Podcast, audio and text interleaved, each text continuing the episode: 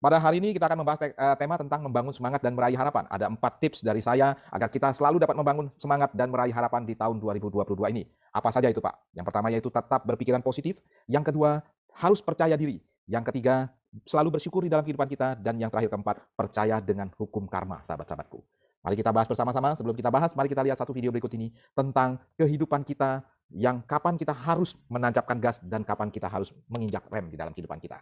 Mari kita lihat bersama. jalan tol yang panjang, selalu ada kendaraan yang berlari kencang mendahului Anda. Anda tertantang, tancap gas untuk menyalip. Uber menguber, Anda tancap gas menyalipnya. Anda berhasil, tetapi masih ada kendaraan lain di depan Anda. Anda nyalip lagi, tetapi masih ada lagi kendaraan di depan Anda. Anda terus menyalip, tetapi terus saja ada kendaraan di depan Anda. Anda tak pernah leading dan menjadi nomor satu. Begitulah hidup. Anda berjuang dan bersaing untuk menjadi nomor satu. Setelah Anda menjatuhkan lawan Anda, segera muncul lawan kedua. Anda menjatuhkan lawan kedua, muncul lawan ketiga, keempat, ke seratus, ke seribu, dan seterusnya. Anda kaya, ada yang lebih kaya. Anda berkuasa, tapi ada yang lebih berkuasa. Anda hebat, tetap ada yang lebih hebat. Kalau Anda mau bersaing, Anda akan berhadapan dengan lawan yang tak habis-habisnya. Hidup Anda akan capek dan penuh ketegangan. Namun, begitu Anda berhenti menyalip, kendurkan tancapan gas, mengendarai dengan lebih pelan, Anda akan menemukan sesuatu yang luar biasa. Anda sudah pelan, Ternyata banyak kendaraan yang berjalan lebih pelan dari Anda. Sepanjang jalan selalu ada kendaraan di depan Anda, namun juga selalu ada yang di belakang Anda. Walaupun Anda tidak menjadi yang terdepan, namun Anda juga tidak akan menjadi yang paling belakang. Begitu juga dengan hidup. Kalau Anda berhenti bersaing, semua lawan pun menghilang. Anda akan melihat kawan di mana-mana. Hidup Anda akan lebih santai dan lebih bahagia. Anda lebih bisa menikmati hidup. Sahabat-sahabat Dama, banyak orang yang datang pada saya dan bertanya, Pak Teguh, sebenarnya pandemi corona saat ini, ini merupakan karma baik atau karma buruk, Pak, untuk kita semuanya. Sahabat-sahabat Dama, mungkin bagi sebagian orang ini adalah karma buruk. Karena mereka mungkin menderita virus COVID-19 ini dan untuk sembuh perlu berjuang. Satu minggu, mungkin dua minggu, mungkin pun tiga minggu. Tapi bagi sebagian orang lainnya, mungkin ini adalah karma baik. Karena di mana usaha mereka yang tadinya sepi, mungkin jualan masker tidak begitu ramai, sekarang di pandemi corona ini jualannya malah meledak.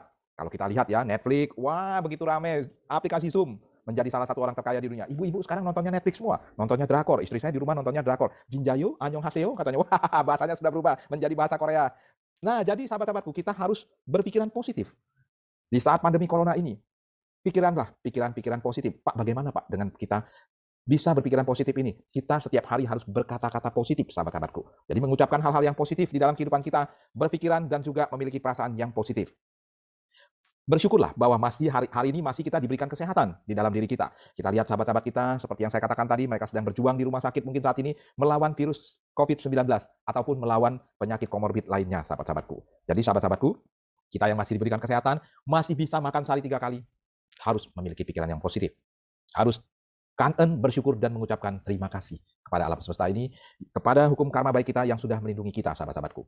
Nah, sahabat-sahabatku, mungkin sebelum corona kita tidak punya waktu untuk berkumpul dengan keluarga. Anak-anak saya komplain, Dedi nih, kalau sebelum corona sibuk, mulai dari tahun 2017 sudah diundang ke mana-mana. Pulang dari Bali diundang ke Medan, pulang dari Medan diundang ke Singkau, di, eh, ke Kalimantan. Romo Alipuci undang saya di Kalimantan Barat, di Pontianak. Pulang lagi diundang di Semarang, pulang lagi diundang ke uh, Malang, STAB Kertarajasa, sama Kiwira. Juga banyak lagi yang undang saya dari Jambi, Mahayana, Tantrayana, dari semua uh, aliran dan semua mazhab. Saya terima undangan, saya tidak pernah pilih-pilih. Sahabat-sahabatku katanya, aduh Dedi biasanya sibuk ini, nggak pernah kumpul dengan keluarga, mau makan aja bersama, mau breakfast, mau lunch, mau dinner, susah dengan Dedi. Tapi di pandemi ini, banyak waktu kumpul dengan Dedi. Bisa olahraga bersama, bisa bersihkan rumah bersama, karena istri saya khawatir, pembantu di rumah bisa menularkan virus COVID-19, maka pembantu kita pulangkan. Kita berikan pesangon yang cukup, kita pulangkan sahabat-sahabatku. Jadi kita bisa membersihkan rumah bersama saat ini, nyuci baju bersama, nyuci piring bersama saat pandemi. Bermain bersama anak-anak saya, Anak-anak saya tidak setiap hari main gadget selalu. Waktunya dari Senin sampai Jumat, kecuali sekolah memang harus pakai gadget, laptop, dan uh, handphone, mereka baru memakainya. Sisanya Pak, main apa Pak? Garing dong Pak kita di rumah dong. Tidak main, tidak pegang gadget, tidak pegang handphone. Kita main mainan tradisional, sahabat-sahabatku. Main Uno Saku tuh seperti di gambar, ya kan? Susun, susun, susun, nanti ditarik jatuh. Main ular tangga, main congklak, main juga uh, monopoli, dan sebagainya. Pak, apa ada gunanya Pak main mainan tradisional? Oh, banyak sekali gunanya sahabat-sahabat Dama. Kenapa saya bisa berkata demikian? Ketika saya sedang bermain monopoli dengan anak-anak saya, saya mengajarkan anak-anak saya untuk berinvestasi dengan benar, membeli Changi Airport, membeli Hong Kong, membeli Singapura, membeli kota-kota yang bagus nilainya. Dan saat sedang main ular tangga, saya mengajarkan filosofi kepada anak saya bahwa seseorang itu di atas puncak karir, kapan pun dia bisa jatuh ke bagian yang paling bawah. Seperti kakek kalian. Waktu itu seorang profesor di bidang ahli bahasa Belanda, tiba-tiba saat berumur 52 tahun, jatuh di kamar mandi dan mengalami stroke selama 18 tahun. Jadi begitulah manusia. Kapan pun bisa jatuh dan bisa 180 derajat berubah keadaannya. Jadi saya mengajarkan anak-anak saya tentang filosofi tersebut. Ketika main congklak, saya mengajarkan anak-anak saya untuk menabung, sahabat-sahabatku. Dan yang paling penting sahabat-sahabatku, biasanya saya tidak punya waktu ikut kebaktian bersama di rumah saya. Jadi di rumah saya, kami setiap malam pukul 9 sampai 9.30 kebaktian bersama. Meditasi, melimpahan jasa, dan juga setelah selesai baca parita, kami berpegangan tangan, memohon hal-hal yang baik, memohon kesejahteraan dan juga perdamaian di Indonesia maupun di dunia, juga mendoakan semua makhluk. Nah, sahabat-sahabatku, dulu kami sudah berapa tahun melakukan ini. Pertama-tama melakukan, istri saya tanya ketika kami waktu itu melaksanakan eh, kebaktian di rumah, membacakan parita. Kebetulan di rumah saya ada cetia, di, di atas dia ada, punya altar dan cetia. Sahabat-sahabat damai istri saya tanya kepada saya, Dad, sebenarnya ketika kita kebaktian di rumah ini baca parita, ada gunanya nggak sih? Saya bilang sesuatu hal yang baik dilakukan, pastilah ada gunanya. Seminggu dari pertanyaan istri saya, tiba-tiba istri saya dijawab. Sahabat-sahabat damai. Bukan saya yang menjawab. Istri saya saat tidur diberikan mimpi, didatangi oleh semua makhluk yang tinggal di rumah kami. Jadi makhluk yang tinggal di rumah kami ada kami. Saya, istri saya, dan empat orang anak saya, juga ada mertua perempuan saya yang tinggal bersama saya. Itu yang tampak. Yang tidak tampak banyak makhluk yang tinggal di rumah kami. Kata istri saya di sebelah kanan ada makhluk yang cantik dan tampan. Di sebelah kiri ada makhluk yang tidak beraturan. Ada yang tidak ada kepala, ada tidak ada tangan, dan ada juga bentuk badannya yang tidak beraturan. Mereka mengucapkan terima kasih kepada istri saya. Bu, kami mengucapkan terima kasih. Istri saya kaget. Weh, kenapa terima kasih? Saya sudah melakukan apa? Setiap malam, ibu beserta keluarga sudah membacakan parita-parita suci dan melimpahkan jasa kebaikan kepada kami yang tinggal di tempat ini. Dengan pelimpahan jasa yang Ibu bacakan dan berikan kepada kami, kami menerima pelimpahan jasa tersebut dan pembinaan diri kami menjadi lebih baik, lebih baik dan kami di sini semua ikut berbahagia. Itu hal yang paling penting. That's the point, sahabat-sahabat Dama. Sahabat-sahabat Dama, pantasan saya berasa Beberapa bulan setelah saya membacakan parita-parita suci, melimpahkan jasa, meditasi di rumah saya bersama keluarga saya, saya berasa rumah saya jauh lebih adem.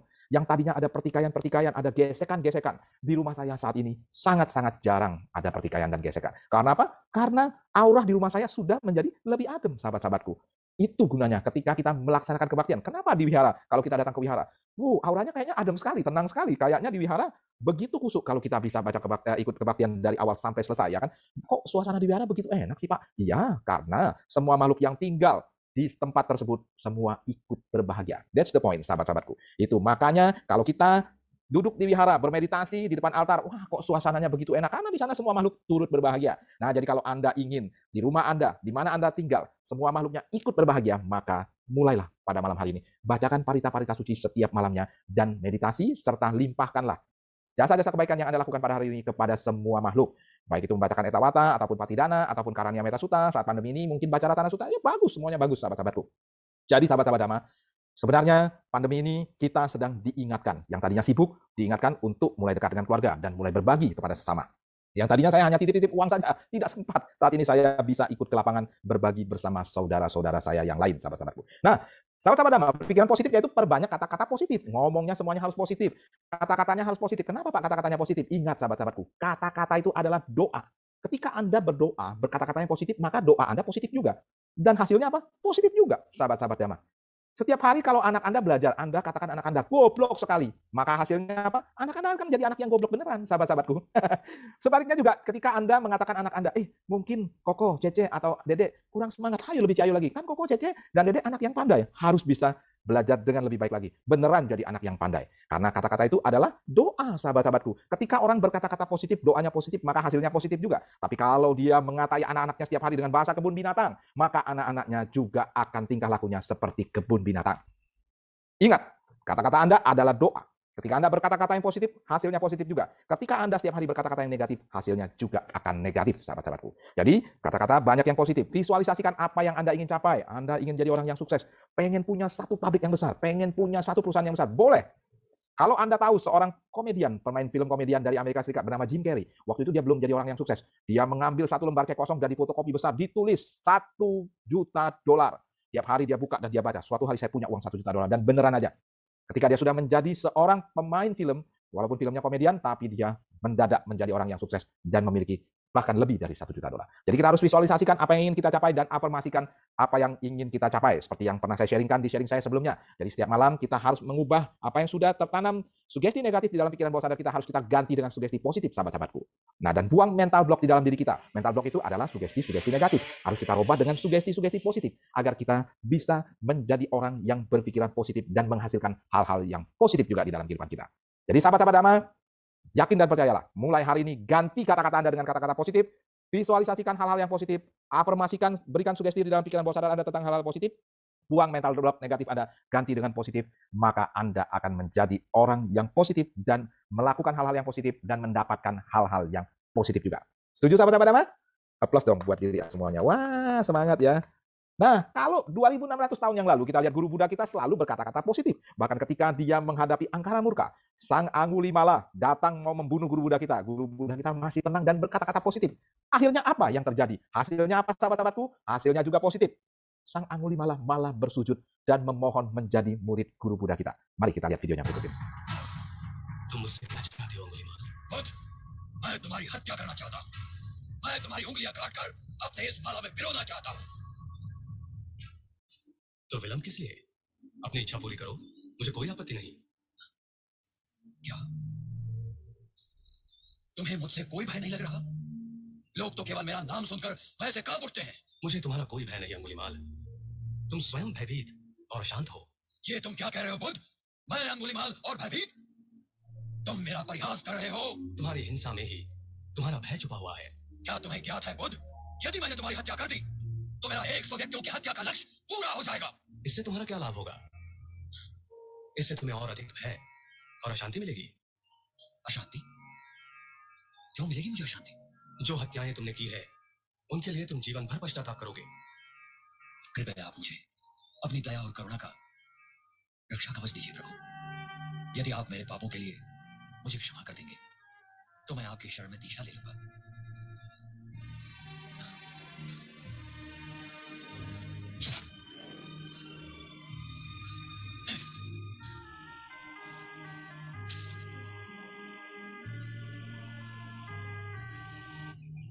आज से तुम्हारा नाम अंगुलीमाल नहीं अहिंसक है अहिंसा के पथ पर चलो और निर्वाण Sahabat-sahabat Dhamma, dampak berpikiran negatif adalah kita gampang stres, khawatir yang berlebihan, mudah tersinggung, bingung, rasa cemas, pemarah, apatis, tidak sabar, sering merasa kesepian dan sering merasa sedih, iri hati, serta dengki dan dendam. Sahabat-sahabatku, kita harus berpikiran positif di dalam kehidupan kita. Kalau kita berpikiran positif, maka hasilnya juga akan positif. Bayangkan sahabat-sahabat Dhamma, jika setiap hari Anda berkata kepada anak-anak Anda, nak kamu anak yang bodoh. Tiap hari Anda berkata, satu bulan ada 30 hari, satu tahun ada 365 hari, maka anak Anda akan menjadi anak yang bodoh beneran. Karena sudah didoakan selama 365 hari dalam setahun. Di setiap hari didoakan menjadi anak yang bodoh. Gimana nggak jadi anak yang bodoh? Bodoh kamu. Nah, benar-benar menjadi anak yang bodoh, sahabat-sahabatku. Coba kalau setiap hari kita memberikan semangat kepada anak kita. Kita katakan anak kita, ah kamu anak yang pandai. Maka 30, 365 hari, hari, satu tahun kita mendoakan anak kita menjadi anak yang pandai, maka anak kita beneran jadi anak yang pandai. Pak, IQ anak kita, anak saya IQ-nya agak rendah. Tidak perlu IQ yang tinggi untuk menjadi orang yang pintar. Nanti kita akan bahas ke depannya, sahabat-sahabatku. Nah, sahabat-sahabatku, bagaimana supaya kita tetap selalu berpikiran positif, Pak? Ini, Salah satu kuncinya yaitu dengan berdoa, sahabat-sahabatku. Pak, boleh nggak di agama Buddha kita berdoa memohon sesuatu kepada guru Buddha? Saya ingin memohon agar karir saya baik, bahkan jauh lebih baik besok hari. Memohon anak-anak saya mendapatkan nilai-nilai yang baik, nilai akademik yang baik di dalam sekolah maupun kuliah mereka. Boleh atau tidak kira-kira ya sahabat-sahabatku? Boleh jawabannya. Pak, bukannya di dalam agama Buddha kita diajarkan untuk berdoa tidak boleh memohon sesuatu. Siapa bilang? Ketika kita membacakan etawata, kita mengatakan cirang rakantu, kita saja sudah memohon kepada para dewa untuk melindungi ajaran, untuk melindungi alam semesta ini. Kita boleh memohon, sahabat-sahabatku, tetapi permohonannya jangan banyak-banyak. Ada sahabat saya, kenapa permohonan saya tidak pernah terkabul? Saya lihat, mana permohonannya? Permohonannya 13 lembar, panjang kali tinggi kali lebar, akar 2 pangkat 3. Gimana bisa terkabul? Banyak amat permohonannya saya. Nah, sahabat-sahabatku, agar permohonan kita dapat terkabul, kita harus iringi permohonan kita dengan ikrar. Ketika kita berikrar, sebenarnya kita sedang juga berbuat karma baik. Ikrar kita merupakan satu karma baik dan mempercepat karma baik kita di kehidupan lalu ataupun di masa sebelumnya lebih cepat berbuah, sahabat-sahabatku. Berikrar, saya ingin menjadi anak yang pintar. Hasil nilai ujian saya akan menjadi yang paling bagus di kelas saya. Boleh memohon sesuatu. Saya akan berikan mulai hari ini saya akan aktif di sekolah minggu, mengajar sekolah minggu, ataupun aktif di kebaktian. Akan menjadi panitia, mempersiapkan hal-hal yang perlu dipersiapkan saat kebaktian. Saya keluar tenaga, saya nggak punya materi. Boleh. Ada lagi, ah saya akan menyisikan sebagian pendapatan saya. Berapa persen terserah Anda, sahabat-sahabatku. Dia dalam agama Buddha tidak dipatok seperti agama tetangga. Ada yang 2,5 persen, ada yang 10 persen, ya kan? Tapi tidak di agama Buddha. Dia akan menyisikan pendapatan dia mulai hari ini. Saya punyanya materi, waktunya nggak punya, terlalu sibuk. Juga tenaga saya agak kurang karena sudah capek bekerja. Jadi saya bagi materi saja. Boleh juga. Mulai hari ini berbagi ke mana? Kepada mereka yang membutuhkan. Siapa saja mereka yang membutuhkan? Wihara. Para sangga.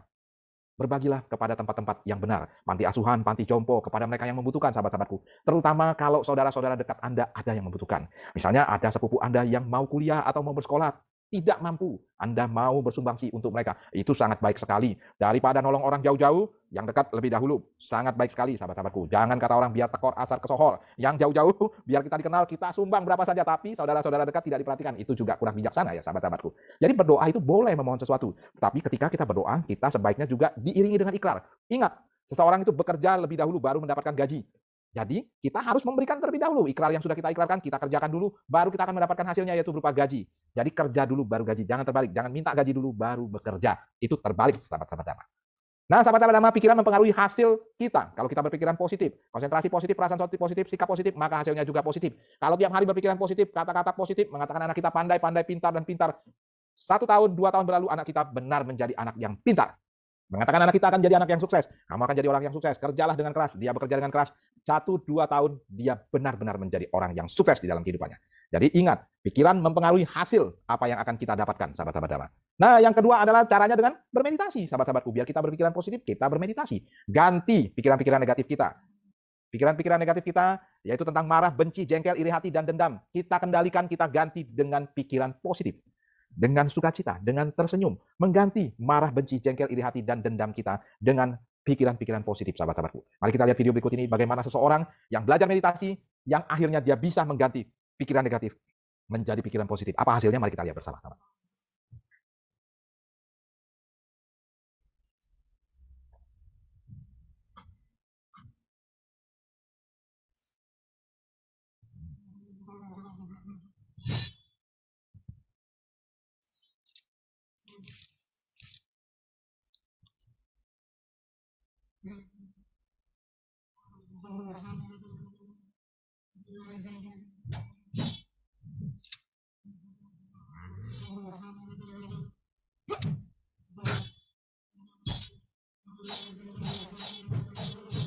Dari satu lalat menjadi dua, dua menjadi empat, empat menjadi delapan, delapan menjadi enam belas, dan seterusnya menjadi seratus, dua ratus, tiga ratus, bahkan seribu lalat. Sampai di akhirnya capek sendiri, sahabat-sahabatku. Tapi ketika dia mengganti pikirannya dengan pikiran yang positif, apa hasilnya? Kita lihat.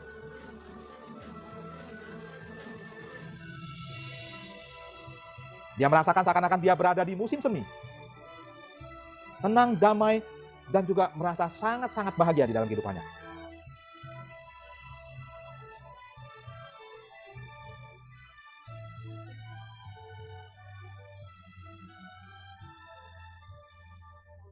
Sebenarnya lalatnya hanya satu, sahabat-sahabatku. Pikiran dia saja yang negatif menjadikan lalat itu 2, 4, 16, 32, 100, 200, 1000, bahkan seterusnya.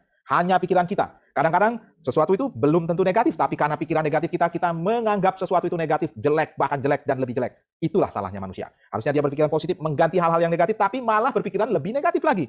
Jadi sahabat-sahabatku mulai hari ini, ganti pikiran negatif Anda dengan pikiran-pikiran positif dan perbanyak kata-kata positif yang merupakan doa-doa positif di dalam kehidupan kita, maka hasil yang akan Anda dapatkan pastilah positif juga. Aplaus buat Anda semua, sahabat-sahabatku.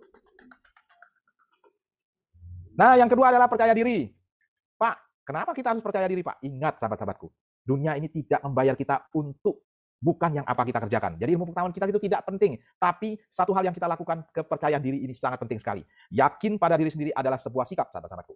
Jangan pernah berkata aku tidak bisa. Berhentilah berkata aku tidak bisa. Karena otak kita ini dirancang untuk memecahkan masalah dan meraih tujuan apa pun yang kita targetkan. Kata-kata yang kita ucapkan positif juga mempengaruhi pikiran kita dan juga merupakan doa dan hasilnya juga dengan sesuai dengan doa dan kata-kata Anda. Jadi sahabat-sahabatku ingat, kalau Anda belum bisa memecahkan atau belum bisa menyelesaikan masalah Anda pada saat ini, itu bukan karena masalah itu tidak ada jalan keluarnya tetapi Anda belum menemukan jalan keluarnya saja. Ketika Anda sudah menemukan jalan keluarnya, tidak ada yang sulit di dunia ini. Tahun 2007, saat itu saya pernah mengalami kebangkrutan di dalam usaha saya, sahabat-sahabatku. Saya berada di kamar selama enam bulan, sampai mengasingkan diri, termenung, bahkan tidak nafsu makan dan minum. Istri saya datang setiap hari menyediakan makanan, saya hanya makan satu dua sendok, dan saya tidak nafsu lagi. Istri saya tetap memeluk saya dan berkata, Dad, dulu tahun 2000 kamu pulang ke Indonesia, kita tidak punya apa-apa. Sekarang kenapa ketika tidak punya apa-apa, kamu takut? Benar juga, saya pikir. Karena sesuatu itu adalah anicca. Semua bisa datang dan pergi. Sahabat-sahabatku, ketika saya ditolong dan juga dibantu, diberikan petunjuk oleh seorang teman saya, saya lebih dekat lagi dengan Buddha Dhamma dan akhirnya saya keluar dari masalah saya, bahkan saya lebih sukses dari sebelumnya, saya baru tahu bahwa sebenarnya masalah apa pun yang kita hadapi di dunia ini, kalau kita belum bisa menyelesaikannya, bukan berarti masalah itu tidak ada jalan keluarnya. Hanya kita yang belum menemukan jalan keluar di dalam masalah kita itu. Itu sahabat-sahabatku, ingat, Apa pun masalah di dunia ini pasti ada jalan keluarnya. Kalau Anda belum bisa menyelesaikan masalah itu bukan berarti tidak ada jalannya, tetapi Anda belum menemukannya saja. Cara menemukannya tetap dengan percaya diri. Sahabat-sahabatku lebih dekat lagi dengan Buddha Dhamma, hidup sesuai dengan Buddha Dhamma dan Sila, maka Anda pasti akan menemukan jalan keluar Anda. Nah, menemukan jalan keluar juga harus bertindak, sahabat-sahabatku. Jangan tidak bertindak, tetap di kamar mengurung diri, tidak mau bekerja, tidak mau berusaha, juga hasilnya akan nonsen. Anda harus bertindak. Ingat, dunia tidak membayar Anda untuk pengetahuan Anda tapi dunia membayar Anda untuk tindakan Anda.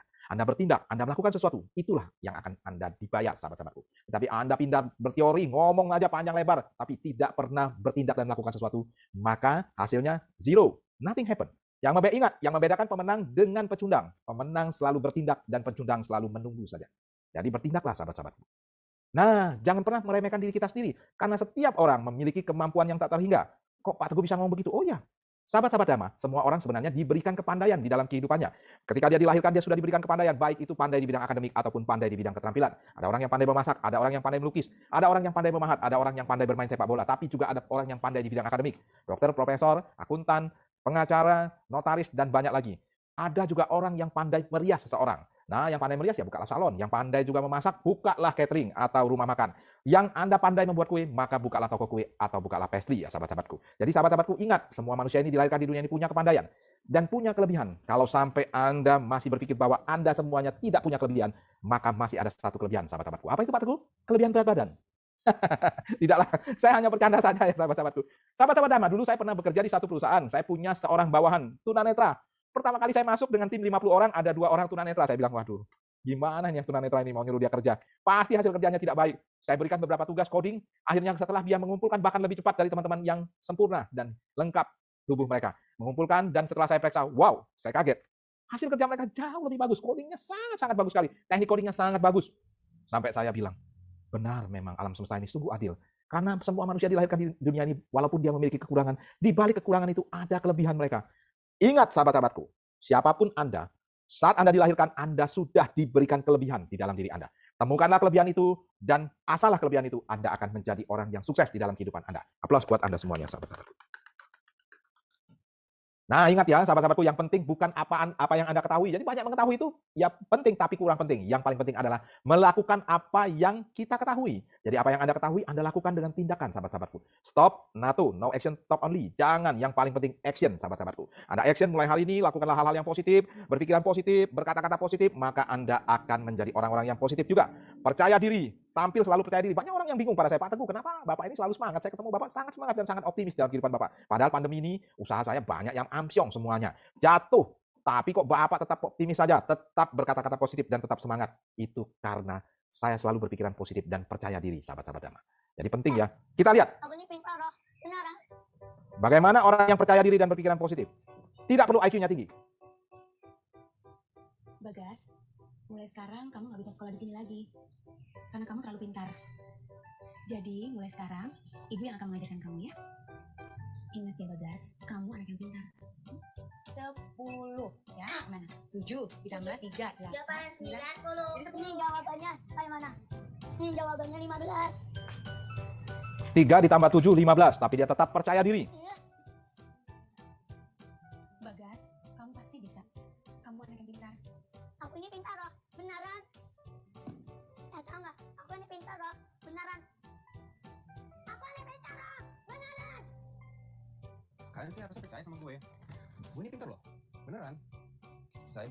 Sebuah MPR matematika, and thanks God saya bisa memenangi materi tersebut. Bagas, bagaimana caranya kamu bisa sepintar ini?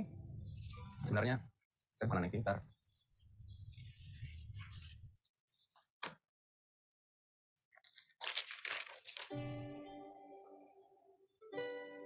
Anak ibu sepertinya tidak bisa sekolah di tempat kami lagi. Karena IQ anak ibu terlalu rendah. Dan kami memohon maaf bahwa sekolah kami tidak mampu mengajari anak ibu lagi. Sebenarnya, saya bukan anak yang pintar. Tapi, saya mempunyai seorang ibu yang hebat. Yang mampu membuat saya percaya bahwa saya anak yang pintar. Sepuluh, tujuh ditambah tiga. Kamu pasti bisa. Kamu anak yang pintar.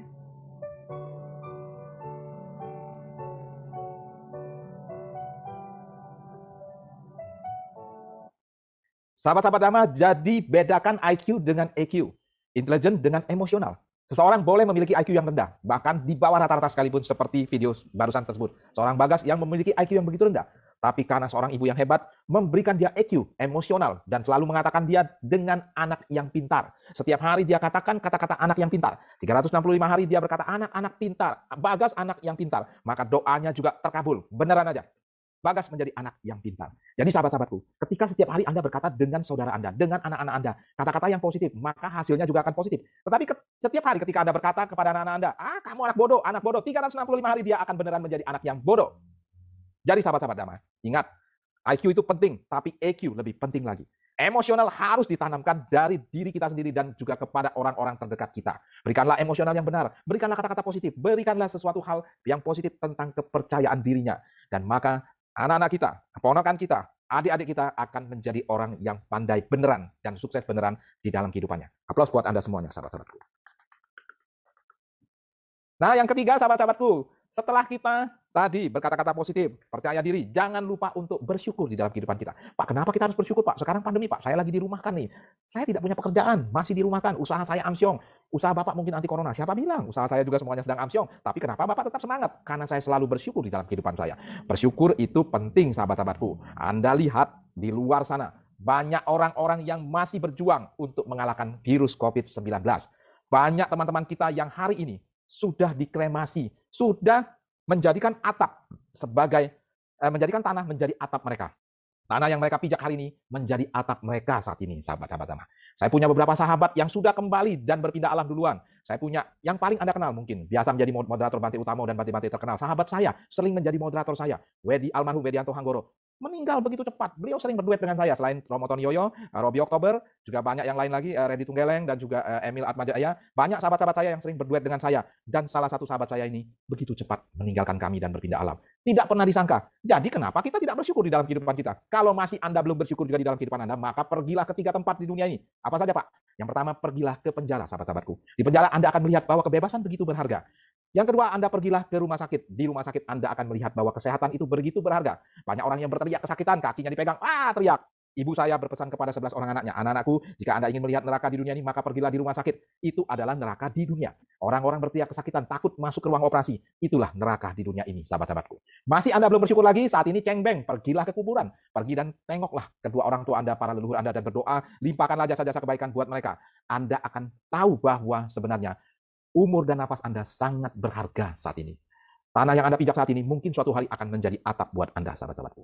Jadi sahabat-sahabatku, guru Buddha kita berkata pada seorang muridnya, miliarder seorang Ananta Pindika. Dia berkata ada empat jenis kebahagiaan yang boleh dinikmati oleh seseorang. Yang pertama adalah kebahagiaan karena memiliki, kebahagiaan karena menikmati apa yang dimiliki, kebahagiaan karena bebas dari hutang, dan kebahagiaan yang tak bernoda. Pak Teguh, apa itu kebahagiaan yang tak bernoda? Kebahagiaan yang tak bernoda itu adalah kebahagiaan yang didapat dari cara-cara yang benar. Jadi harta yang kita dapatkan dengan jalan-jalan yang benar. Bukan dengan merampok, mencuri, menipu, menindas orang lain, bahkan mencurangi orang lain. Itu artinya sahabat-sahabatku. Mari kita lihat video berikut ini tentang bersyukur dan tentang tempat yang kita harus datangi ketika kita tidak bersyukur di dalam kehidupan kita. Rumah sakit, penjara, dan kuburan. Ada seorang pria kaya memandang keluar jendela dan melihat seorang lelaki mengambil sesuatu dari tong sampah. Ia berkata, syukurlah, saya tidak miskin. Orang miskin memandang sekeliling dan melihat seorang pengemis compang-camping di jalan. Ia berkata, syukurlah, walaupun saya miskin, saya tidak menjadi pengemis. Si pengemis memandang ke depan dan melihat ambulans yang membawa orang sakit. Ia berkata, syukurlah saya tidak sakit. Orang sakit di rumah sakit melihat troli membawa jenazah pasien. Ia berkata, syukurlah saya masih hidup. Ternyata hanya orang yang sudah mati yang tidak dapat berkata, syukurlah. Mengapa kita sering lupa untuk bersyukur? Karena hari ini Tuhan masih memberikan kesempatan hidup.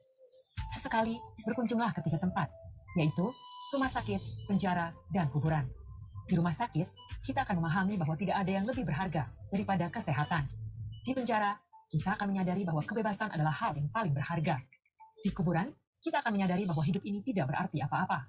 Karena tanah yang kita pijak hari ini akan menjadi atap kita di esok hari. Selagi kita masih diberi waktu dan kesempatan, perbanyaklah berbuat baik pada orang lain. Hendaklah kita selalu bersyukur terlepas dari apa pun keadaan kita. Jadi sahabat-sahabat Dhamma ingatlah, gantilah persepsi di dalam pikiran bawah sadar Anda bahwa mulai hari ini Anda harus menjadi orang yang mau bersyukur di dalam kehidupan Anda. Terlepas dari apa pun yang sudah alam semesta ini berikan pada kita, maka patut kita syukuri sahabat-sahabatku. Bersyukurnya dengan cara apa Pak? Bersyukurnya dengan cara tetap berbagi. Apa pun yang kita dapat bagikan kepada mereka yang membutuhkan, baik itu berupa materi, tenaga, pendampingan, penghiburan, dan perbiayaan semangat, maka bagikanlah sahabat-sahabatku. Sahabat-sahabat Dhamma, ingat, Apa pun keadaan Anda, Anda harus tetap harus bersyukur. Dan apa pun keadaan Anda, apa pun yang Anda sedang alami saat ini, jangan lupa untuk beribadah. Datanglah ke wihara dan beribadah da, ataupun beribadah secara online. Kenapa Pak kita perlu beribadah Pak? Karena seperti handphone, kalau kita tidak dicas, maka handphone kita akan lowbat, sahabat-sahabatku. Jadi beribadah itu gunanya untuk mengecas rohani kita. Ketika kita sedang galau, ketika kita sedang risau, kita sedang mendapatkan cobaan, tantangan, karma buruk kita sedang berbuah di dalam kehidupan kita, maka ketika kita beribadah, kita ikut kebaktian, kita mendengarkan dhamma sana, semua akan teratasi, sahabat-sahabatku. Paling tidak akan berkurang. Yang tadinya risau kita juga akan berkurang. Nah, ingat, Bukan bahagia yang menjadikan kita bersyukur, tetapi bersyukur dulu baru kita bahagia. Jangan terbalik ya. Jangan ayam sama telur nanti bingung.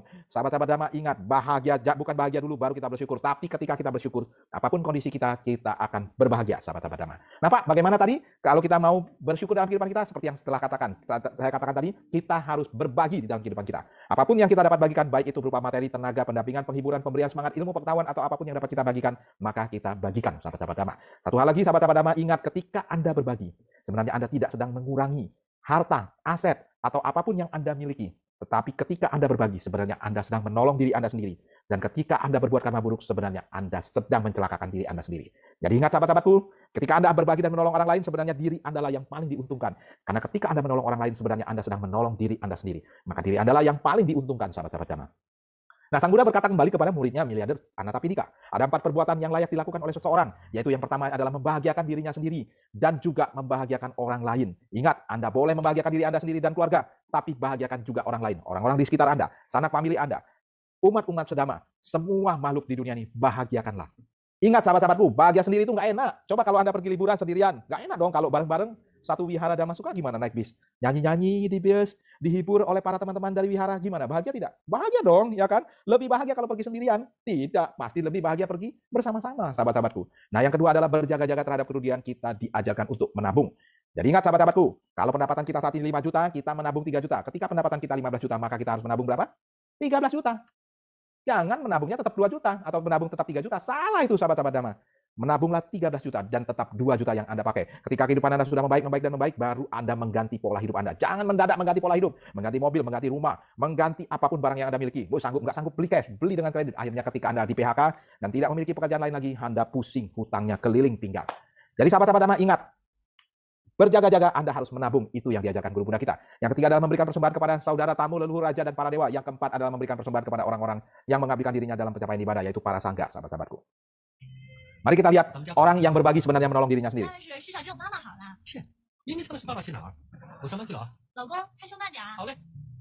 Ada seorang laki-laki yang istrinya hamil tua.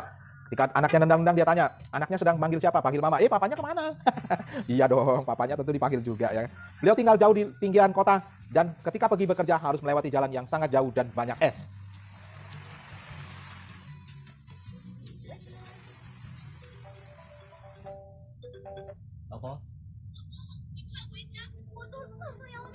Istrinya sakit perut dan meminta dia untuk pulang, tapi di tengah jalan dia dihadang oleh seorang laki-laki yang meminta tolong.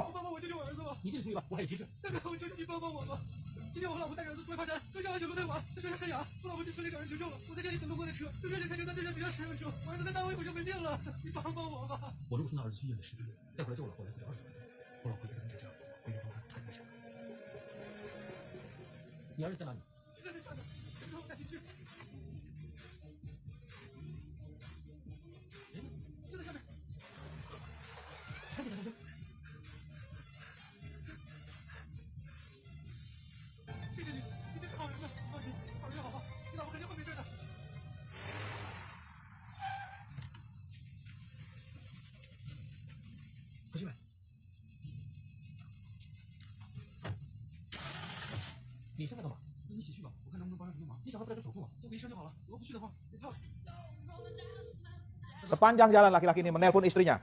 Istrinya tidak mengangkat, dia sangat risau sekali. Hatinya sudah setengah dan takut memikirkan kondisi istrinya. Buru-buru lari setelah sampai di rumah, apa yang terjadi sahabat-sahabatku?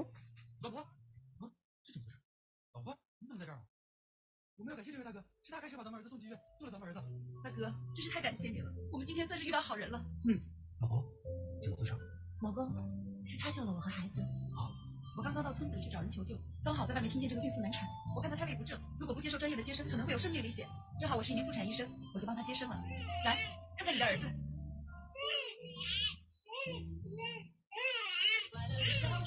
谢谢，谢谢你救了我们全家，这都是应该的。其实当时我真的非常犹豫，不知道是先救孕妇，还是先找人救我们的儿子。还好最后一刻我没选错。当时你爱人向我求救的时候，我也非常犹豫，我不知道是该先回来救我的爱人，还是救你们的儿子。幸亏最后你们都做了正确的选择。 Ingat sahabat-sahabat Dhamma, sekali lagi harus ganti persepsi di kepala Anda bahwa ketika Anda menolong orang lain, sebenarnya Anda sedang menolong diri Anda sendiri. Orang yang paling diuntungkan ketika Anda berbuat baik dan menolong orang lain sebenarnya adalah diri Anda sendiri, bukan orang lain. Itu yang harus Anda pahami dan ganti persepsi di dalam kepala Anda. Setuju sahabat-sahabatku? Setuju ya? Applause loh buat Anda semuanya. Wah, luar biasa sahabat-sahabat Dhamma saya. Nah, sahabat-sahabat Dhamma yang terakhir ya. Kita harus yakin dan percaya dengan hukum karma. Kenapa Pak kita harus yakin dan percaya dengan hukum karma? Ingat, di dalam Parita Perenungan kerap kali sebenarnya guru Buddha kita sudah jelas mengatakan bahwa aku adalah pemilik, pewaris, lahir, berhubungan, terlindung oleh karmaku sendiri. Apa pun yang kuperbuat baik ataupun buruk, itulah yang akan kuwarisi. Jadi sahabat-sahabat Dhamma, kalau Anda tidak percaya dengan hukum karma, maka hal-hal yang akan Anda temui nanti akan membuktikan bahwa hukum karma itu ada sahabat-sahabatku. Dulu saya juga sempat agak ragu-ragu, tapi ketika saya mengalaminya sendiri, saat ibu saya sedang dirawat di rumah sakit, ada seorang perempuan dewasa indigo, dia lewat di depan kamar ibu saya dan dia bertanya pada saya, eh kok itu mamanya ya? Iya, wah mama anda orang yang luar biasa. Sebenarnya mama anda harusnya menderita 70 tahun di dalam kehidupannya, tetapi Tuhan sudah memberikan diskon sebanyak 12 tahun dia bisa mendapatkan kebahagiaan karena dibahagiakan oleh 11 orang anak-anaknya. Benar saja sahabat-sahabatku, wanita tersebut tidak kenal dengan ibu saya, tapi ibu saya memang 58 tahun menderita di dalam kehidupannya dan 12 tahun dia diberikan diskon oleh karena baiknya sehingga dia dapat dibahagiakan oleh 11 anaknya dibawa pergi berkeliling dunia, sahabat-sahabatku. Jadi sahabat-sahabatku, ingat, karma itu akan datang lagi kepada diri Anda sendiri, baik perbuatan baik Anda yang hasilnya akan baik ke diri Anda sendiri, baik itu perbuatan yang tidak baik akan berbuah kepada Anda sendiri, sahabat-sahabatku. Jadi bukan kepada orang lain dan Andalah orang yang akan mendapatkan dari apa yang Anda tanam, sahabat-sahabat Dhamma. Ini ada satu kalimat bijaksana, sedikit perbuatan masa lalu dicerminkan oleh kehidupan sekarang. Jadi kalau Anda ingin melihat karma buruk Anda atau karma baik Anda di kehidupan Anda yang lalu, lihatlah apa yang Anda terima dalam kehidupan Anda saat ini. Kehidupan masa depan dicerminkan oleh perbuatan Anda sekarang dan dipengaruhi oleh perbuatan masa lalu. Sahabat-sahabat Dhamma, jika Anda ingin melihat apa yang akan Anda dapatkan di masa depan, lihatlah apa yang Anda perbuat saat ini. Kalau Anda banyak berbuat kebaikan, maka itu akan merubah karma buruk Anda dari masa lalu dan Anda akan mempercepat karma baik Anda lebih berbuah. Kalau Anda lihat seorang Teguh Taslim, waktu kecil hidup saya sangat-sangat menderita sekali. Saya harus berjalan 7 sampai 8 kilo untuk mencapai sekolah SD saya. Tapi dengan berdoa, berjuang, berbagi. Saya nggak punya materi, tapi saya berbagi tenaga dan berbagi ilmu pengetahuan. Membagikan ilmu pengetahuan saya di sekolah minggu, dan juga memberikan tenaga saya apa pun yang saya dapat bagikan kepada tempat ibadah dan tempat-tempat kebaikan lainnya. Berusaha, berdoa, berjuang, bekerja keras, dan juga berbagi. Akhirnya sedikit demi sedikit pelan-pelan kehidupan saya membaik membaik dan akhirnya saya akan menjadi saya dapat menjadi orang yang sukses di dalam kehidupan saya, sahabat-sahabatku. Jadi sahabat-sahabatku ingat bedakan antara takdir dan nasib. Takdir seorang Teguh Taslim dilahirkan di Palembang menjadi kedua orang anak dari kedua orang tua saya itu namanya takdir. Tapi nasib Teguh Taslim kecil hidupnya menderita, hidupnya susah, pernah makan makanan ternak dan bersekolah di sekolah negeri, sekolahnya sangat susah, bisa berkuliah di universitas terbaik dan bekerja di perusahaan terbaik dan akhirnya menjadi orang yang sukses memiliki usaha, itu namanya nasib, sahabat-sahabatku. Suatu hari karyawan saya datang dari Pati, Jawa Tengah. Saya tanyakan, Mas kok datang dari Jawa Tengah jauh-jauh bekerja tempat saya? Pak, saya ingin merubah nasib. Tuh, nasib bisa dirubah, sahabat-sahabatku. Ingat, saya sudah banyak berdiskusi dengan para biku, biksu, dan juga para bante. Mereka sepakat berkata bahwa 70% perbuatan kita di kehidupan sekarang menentukan apa pun yang akan kita dapatkan di masa mendatang. 30% karma kita dari kehidupan yang lalu mempengaruhi kita. Jadi kalau Anda pernah dengar lagu Hokkien ya, IPACA ya lagunya. Ada katanya Sahun Ting Cupia, Chithun Kopapia. 30% itu adalah nasib, 70% adalah kerja keras. Jadi sahabat-sahabatku, 70% apa yang Anda lakukan di kehidupan sekarang, baik itu baik ataupun buruk, itu yang akan menentukan apa yang Anda akan dapatkan di dalam kehidupan Anda mendatang. Mari kita lihat video berikut ini tentang karma yang tidak bisa tertukar. Waktu kecil dia marahin adiknya karena adiknya nakal. Malah dia yang dipukul.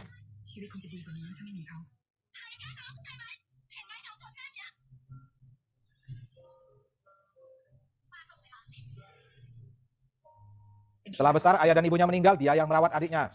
Adiknya pulang mabuk. Memakai narkoba. Bersenang-senang dengan teman-temannya. Mencuri uang kakak perempuannya, uang cicitnya dicuri.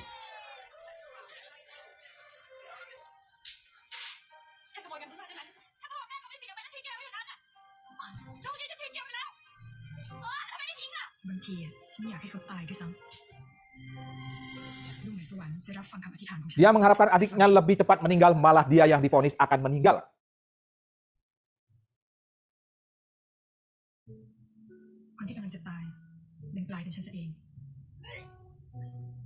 Tapi karma tidak terbalik, sahabat-sahabatku. Mari kita lihat bagaimana tidak terbaliknya karma yang dialami oleh perempuan ini. Rambutnya mulai sedikit demi sedikit mulai rontok.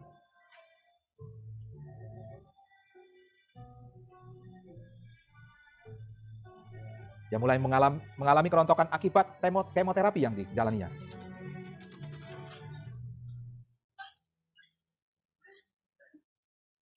Adiknya bertanya, kenapa Ci? Tidak kenapa-napa, dia bilang. Ketika adiknya membuka tutup rambut cicinya, dia menangis dan memeluk cicinya.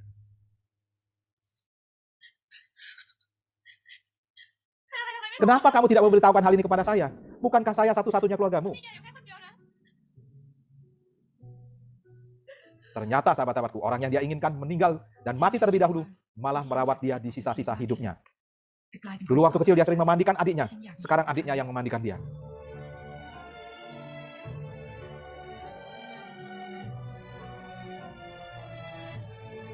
Waktu kecil dia merawat rambut adiknya, sekarang adiknya yang merawat rambut dia yang rontok.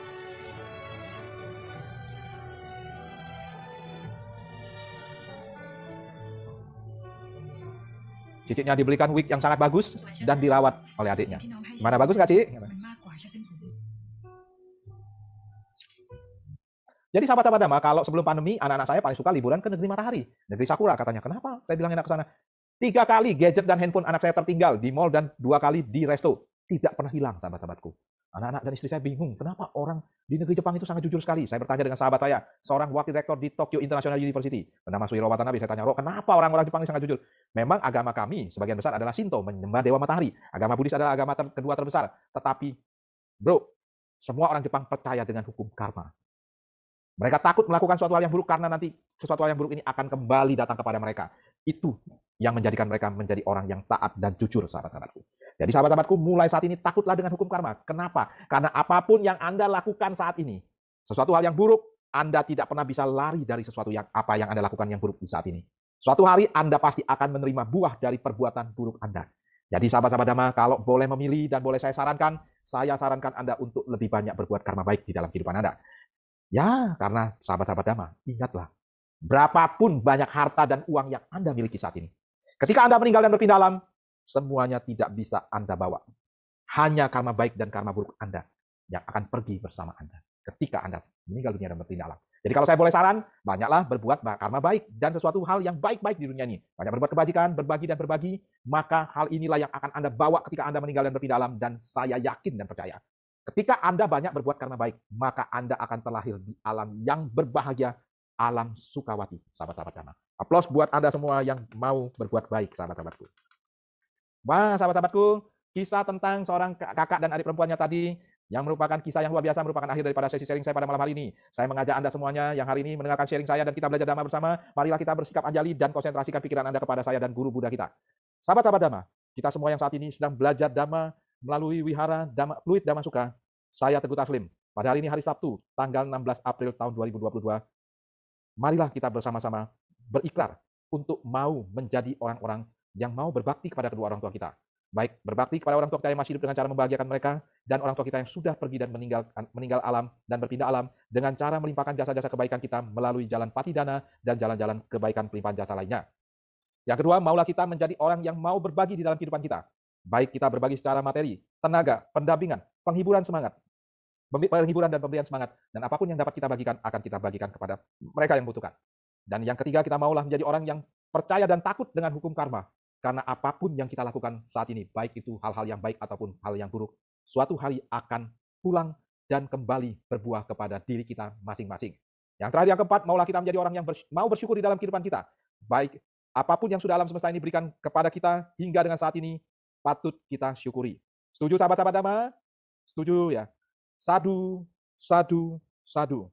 Yang pertama, bagaimana caranya mengubah pola pikir orang yang selalu berpikiran negatif, walaupun walaupun sudah setiap hari uh, dikasih masukan untuk berubah menjadi positif, pikiran-pikiran positif, tapi tetap saja dia berpikiran negatif terus. Hmm. Oke, terima kasih. Kalau boleh tahu siapa yang bertanya, Sis Candy? Ada nama? Oh, Sis Candy. Waduh, kita beri aplaus dong buat MC kita yang luar biasa, Sis Candy. Wah, luar biasa. Ini contoh umat Buddhis yang luar biasa bertanya, ya kan? Sahabat-sahabat Dhamma harus semangat juga dan semangat dalam bertanya juga, ya kan? Sis Candy, sebenarnya di dalam ilmu hipnoterapi, saya punya sahabat tuh Pak Adi Gunawan ya, saya selalu sering uh, juga karena ngobrol dengan beliau. Jadi di dalam ilmu hipnoterapi, uh, sahabat saya uh, Yoyo juga seorang hipnoterapi juga, banyak lagi Emil yang lain-lain juga seorang hipnoterapi. Jadi secara hipnoterapi yang sesuai dengan Buddha Dhamma. Sebenarnya 88% tindakan kita setiap hari, kita berlari, kita melakukan aktivitas sikat gigi, dan melakukan aktivitas lainnya, 88% dikontrol oleh pikiran bawah sadar kita. 12% saja pikiran sadar kita ini mengontrol kita. Jadi kalau seseorang merokok, ditanya, Pak, Bapak tahu nggak merokok itu membahayakan anak dan istri Bapak? Ketika Bapak merokok di rumah, mereka beresiko untuk mendapatkan penyakit di bidang pernapasan. Oh, tahu saya. Itu yang menjawab apa? Yang menjawab adalah pikiran bawah sadarnya tahu. Nah, ya kan, eh, pikiran sadarnya yang tahu ya kan. Tapi ketika dia ditanya, Pak, Bapak berhenti ya Pak merokok Pak? Aduh, mati deh saya katanya. Nggak enak kalau saya nggak merokok, mulut saya asam. Ketika saya tidak merokok, saya tidak berasa nyaman. Ah ini pikiran bawah sadarnya dan 88% mulai mengendalikan dia. Jadi bagaimana Candy supaya seseorang itu bisa mengubah uh, pola pikirnya dari pikiran bawah sadarnya ini sehingga sugesti yang negatif yang tadinya dia memiliki pikiran pola pikir negatif berubah menjadi positif atau orang sebut dengan mental block. Orang yang sudah ngeblok mentalnya, dia sudah pikir bahwa dia itu menunda-nunda pekerjaan aja tidak apa-apa. Dia malas aja tuh hasilnya sekarang udah baik-baik saja, fine-fine aja, kenapa harus rajin? Nah ini mental block seseorang. Bagaimana cara merubahnya? Merubahnya dengan banyak cara, tapi cara satu cara yang paling ampuh adalah memberikan afirmasi ke dalam pikiran bawah sadarnya. Cepat sekali ini. Pak, kapan waktu yang tepat? Waktu yang tepat adalah sebelum dia tidur. Satu menit sampai tiga menit sebelum tidur. Dia sudah teler-teler, udah mau tidur, berikan afirmasi, baik itu berupa bisikan ataupun berupa rekaman. Berupa rekaman tentang narasi-narasi positif yang seperti Candy mau. Misalnya narasinya tentang apa saja. Saya punya sahabat. Sahabat saya ini seorang yang luar biasa juga. Tapi dia sudah banyak menjadi pembicara dan jadi MC di banyak tempat, tapi penghasilannya belum bagus juga. Akhirnya dia mendengar sugesti tentang uang dari Pak Adi Gunawan. Dipotong sugestinya menjadi satu menit. Begitu dia dengar satu menit setiap malam, tiga bulan hidupnya berubah, sahabat-sahabatku. Pemahaman dia tentang uang, tentang peluang menjadi luar biasa. Karena apa? Karena dia sudah mengubah sugesti negatif yang berada di dalam pikiran bawah sadarnya. Tadinya dia sangat lambat respon ketika ditawarin orang, masih tawar-tawar. Tapi ketika dia sudah berubah sugestinya, ketika dia diberikan pekerjaan baru, step, langsung diambil. Dan lebih cepat dia meresponnya. Itu sahabat-sahabatku semuanya ya. Yang dia jadi harus dirubah dengan afirmasi, bisa memberikan afirmasi. Karena pikiran bawah sadar kita ini sudah banyak menyimpan sugesti-sugesti negatif. Kalau sugesti negatif ini tidak dirubah, ya selamanya dia tertanam di dalam pikiran bawah sadar. Ingat, banyak hal caranya. Ketika Pak jadi saya kadang-kadang susah Pak mau bisikin. Dia ini pacar saya Pak. Saya susah mau bisikin gimana?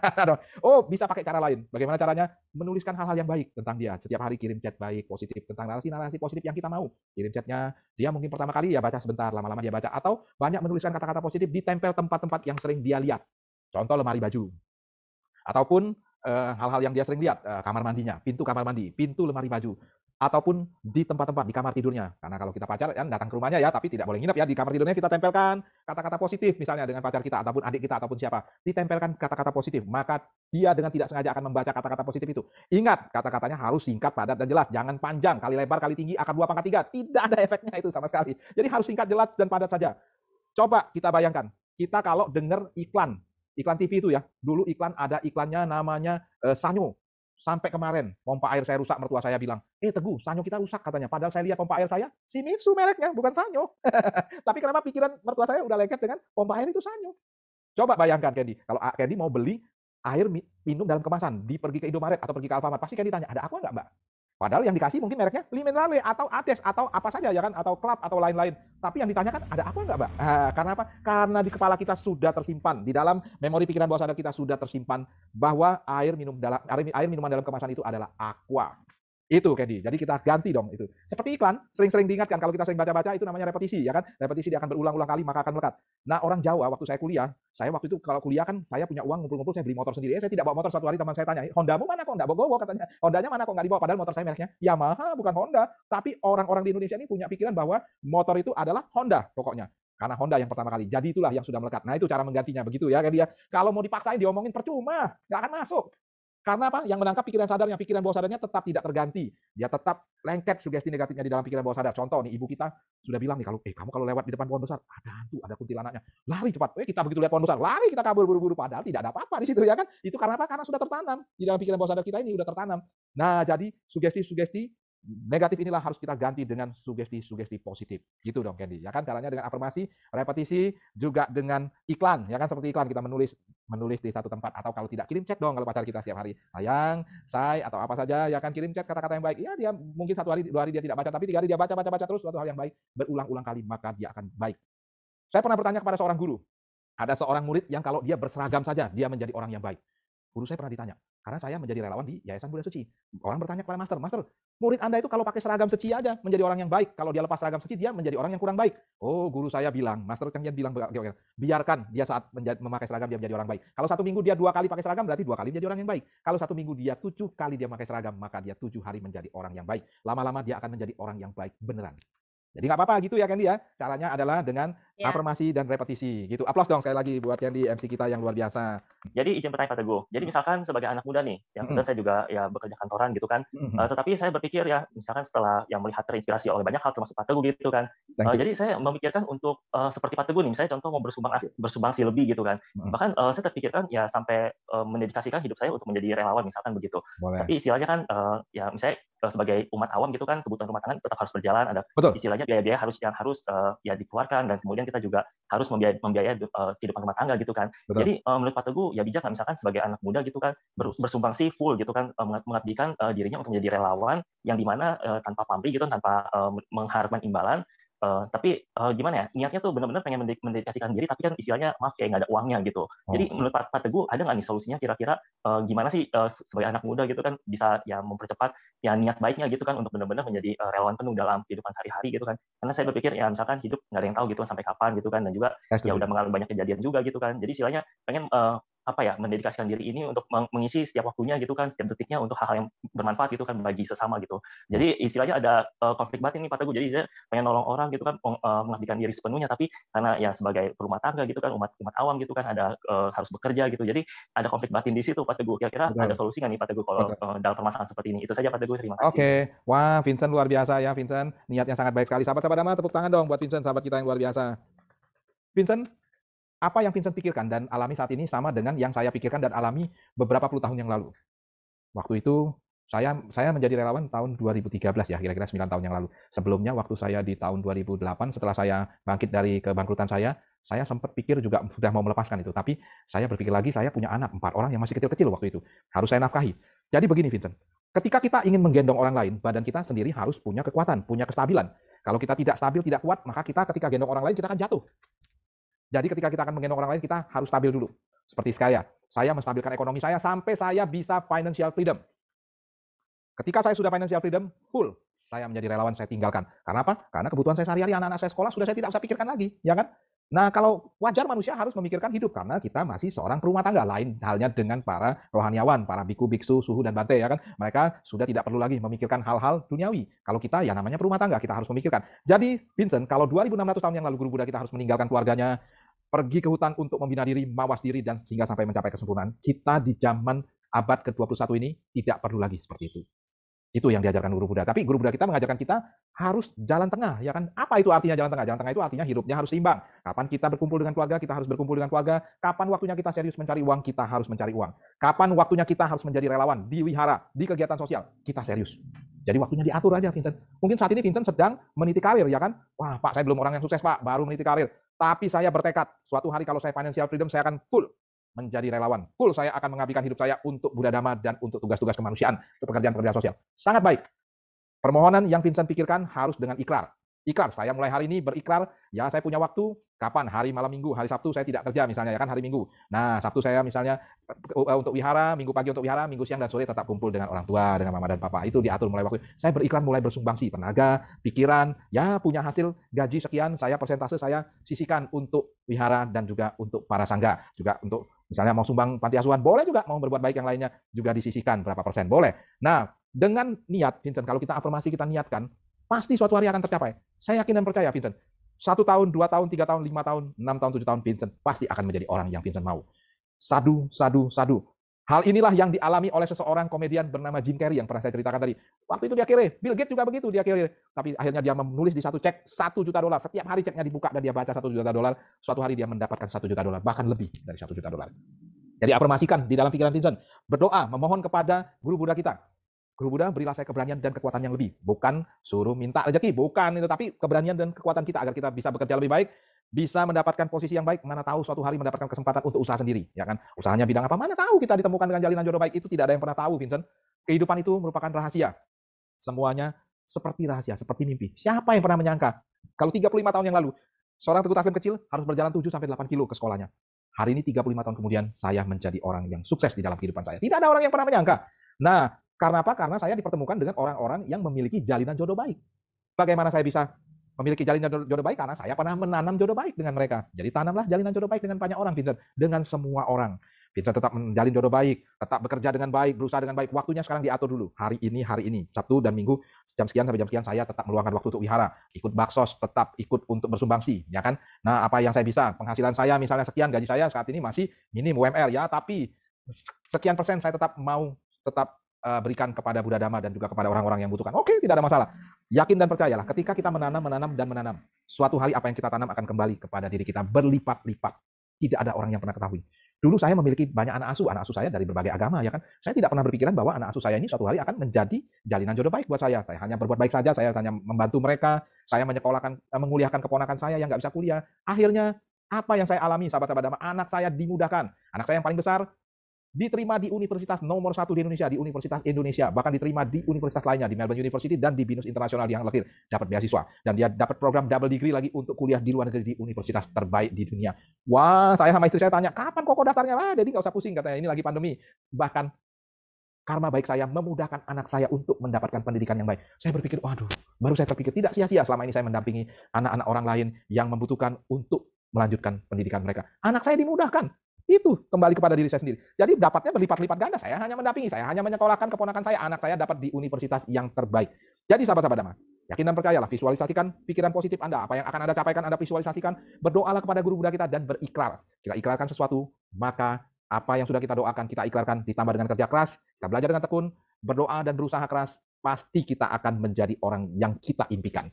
Kita menjadi orang yang sukses, financial freedom, dan dapat mengabdikan hidup kita untuk Buddha Dhamma. Nah, kalau Vincent bidangnya bisa bidang apa? Ya kalau bisa jadi dhamma duta, jadi dhamma duta. Kalau bisa bantu menjadi ketua apa atau menjadi pelaksana apa, ya biar bantu saja apa saja lakukan saja ya kan. Bisa full time, ya lebih bagus lagi. Tapi harus seimbang lah hidupnya keluarga. Kalau nanti punya keluarga juga harus diperhatikan ya kan. Jalan tengah semuanya gitu ya Vincent ya. Jadi Vincent ingatlah mulai hari ini, mulai hari, mulai malam hari ini berdoa, berusaha, belajar, berbagi, lakukanlah dengan baik dan tekun, maka saya yakin dan percaya, suatu hari Vincent akan menjadi orang yang Vincent impikan. Orang yang sukses dengan financial freedom dan dapat bersumbangsi untuk Buddha Dhamma dan untuk seluruh umat manusia. Sadu, sadu, sadu. Aplaus dong buat sahabat kita Vincent yang luar biasa niatnya ya. Wah, luar biasa. Oke, sahabat-sahabat Dhamma, masih ada lagi yang mau bertanya kira-kira Vincent? Silakan. Ya, terima kasih sekali ya. Pak Teguh. Luar biasa atas jawabannya. Ya, ya baiklah, kepada Bapak Ibu, Saudara Saudara Dhamma, apakah ada lagi pertanyaan baik secara lisan ataupun tertulis? Kami tunggu. Baiklah, kesempatan terakhir. Apakah ada yang masih ingin bertanya, baik secara langsung, ya lisan ataupun tertulis kepada Pak Teguh? Baiklah, Pak Teguh sepertinya sudah tidak ada pertanyaan. Okay. Pak Teguh, apakah berkenan untuk memberikan closing statement? Oke. Okay. Ya, silakan Pak. Sahabat-sahabat Dhamma, memang mungkin saat ini kondisi pandemi begitu berat untuk kita semuanya. Ada yang usahanya bangkrut, ada yang usahanya sedang jatuh, ada juga yang sedang dirumahkan atau di PHK. Tapi yakin dan percayalah, kita harus tetap semangat, lakukan saja seperti di baju saya nih, just do it ya. Lakukan saja sahabat-sahabatku. Lakukan saja hal-hal yang baik di dalam kehidupan Anda, yakin dan percayalah Anda tetap melaksanakan ibadah Anda dengan baik. Berdoa, berusaha, belajar, dan juga berbagi. Walaupun keadaan Anda susah, Anda punya tenaga tetap berbagi tenaga, punya penghiburan berbagi penghiburan, dan selalu tetap bersyukur di dalam kehidupan Anda. Saya yakin Anda semuanya pasti akan keluar dari masalah yang Anda sedang hadapi saat ini. Walaupun saat ini siapa pun Anda, mungkin cobaan, tantangan, karma buruk Anda sedang berbuah atau apa pun yang sedang Anda hadapi saat ini begitu berat. Tapi yakinlah, dengan sabar dan tabah Anda hadapi semua itu, tetap berdoa dan beribadah, tetap juga berbuat baik, berbagi, berbagi apa pun yang Anda dapat bagikan, Anda bagikan, baik itu berupa tenaga, semangat, materi, apa pun saja yang bisa Anda bagikan, Anda tetap belajar dan tetap bekerja dengan baik. Ketika semua cobaan sudah selesai, tantangan sudah selesai, dan juga karma buruk Anda semuanya sudah berbuah, maka saya yakin kebahagiaan pasti akan datang kepada Anda semuanya. Aplaus buat Anda semua.